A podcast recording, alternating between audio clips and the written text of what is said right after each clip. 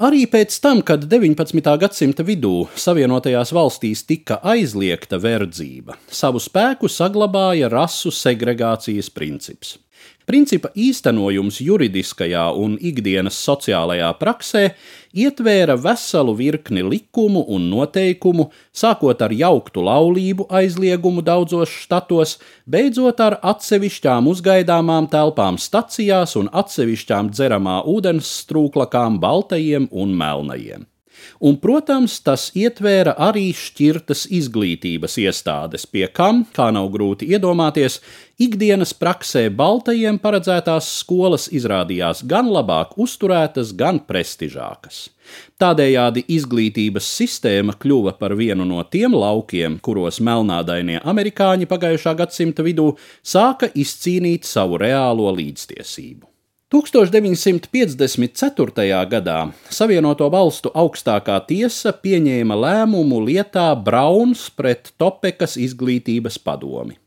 Lēmumam bija izšķiroša nozīme, jo tas postulēja, ka visi likumi, kuri paredzēja segregāciju skolu sistēmā, neatbilst Savienoto Valstu konstitūcijai un pieprasīja skolu desegregāciju visas valsts mērogā. Arkanzasas štata galvaspilsētā Litlrokā vietējā izglītības padome pieņēma lēmumu sākt desegregāciju ar 1957. un 1958. mācību gadu. Deviņi nēģeru jaunieši, kuru sekmes atbilda skolas standartiem, tika uzņemti līdz tam Baltajiem rezervētajā Litlrokas centrālajā vidusskolā.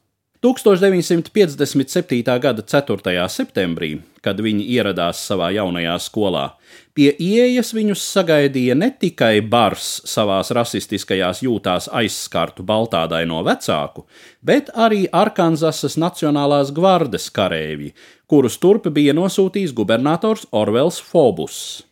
Un nevis, lai aizsargātu melnādainos skolniekus pret baltādainajiem protestētājiem, bet gan lai neļautu deviņiem iekļūt skolā. Savu uzvaru pēdējās vēlēšanās gubernators Fobus bija kaldinājis cita starpā nekautrīgi lietodams rasistisku retoriku, un tagad, protams, nevarēja pievilt savus vēlētājus. Situācija Litlrokā ieguva rezonanci valsts mērogā, un tā sasniedza arī prezidentu Dvaitu Eizenhaueru. Pēc tam, kad leģendārais Otrā pasaules kara ģenerālis un tagadējais prezidents bija personīgās sarunās silti ieteicis gubernatoram Fobusam ievērot augstākās tiesas lēmumu, un attiecīgu lēmumu bija pieņēmusi arī apgabala tiesa, Nacionālā gvarde no skolas ieejas tika atsaukta. Taču Litlrokas pilsoņi turpināja piketēt, draudot neielaist deviņus melnādainos skolā un izdarīt ar viņiem vēl trakākas lietas. 23. septembrī policija slepeni ieveda Litlrokas devītnieku skolas telpās, bet piketētāji to uzzinājuši mēģināja tur ielausties ar varu. Litlrokas mērs Vudro Mens lūdza centrālās varas iejaukšanos.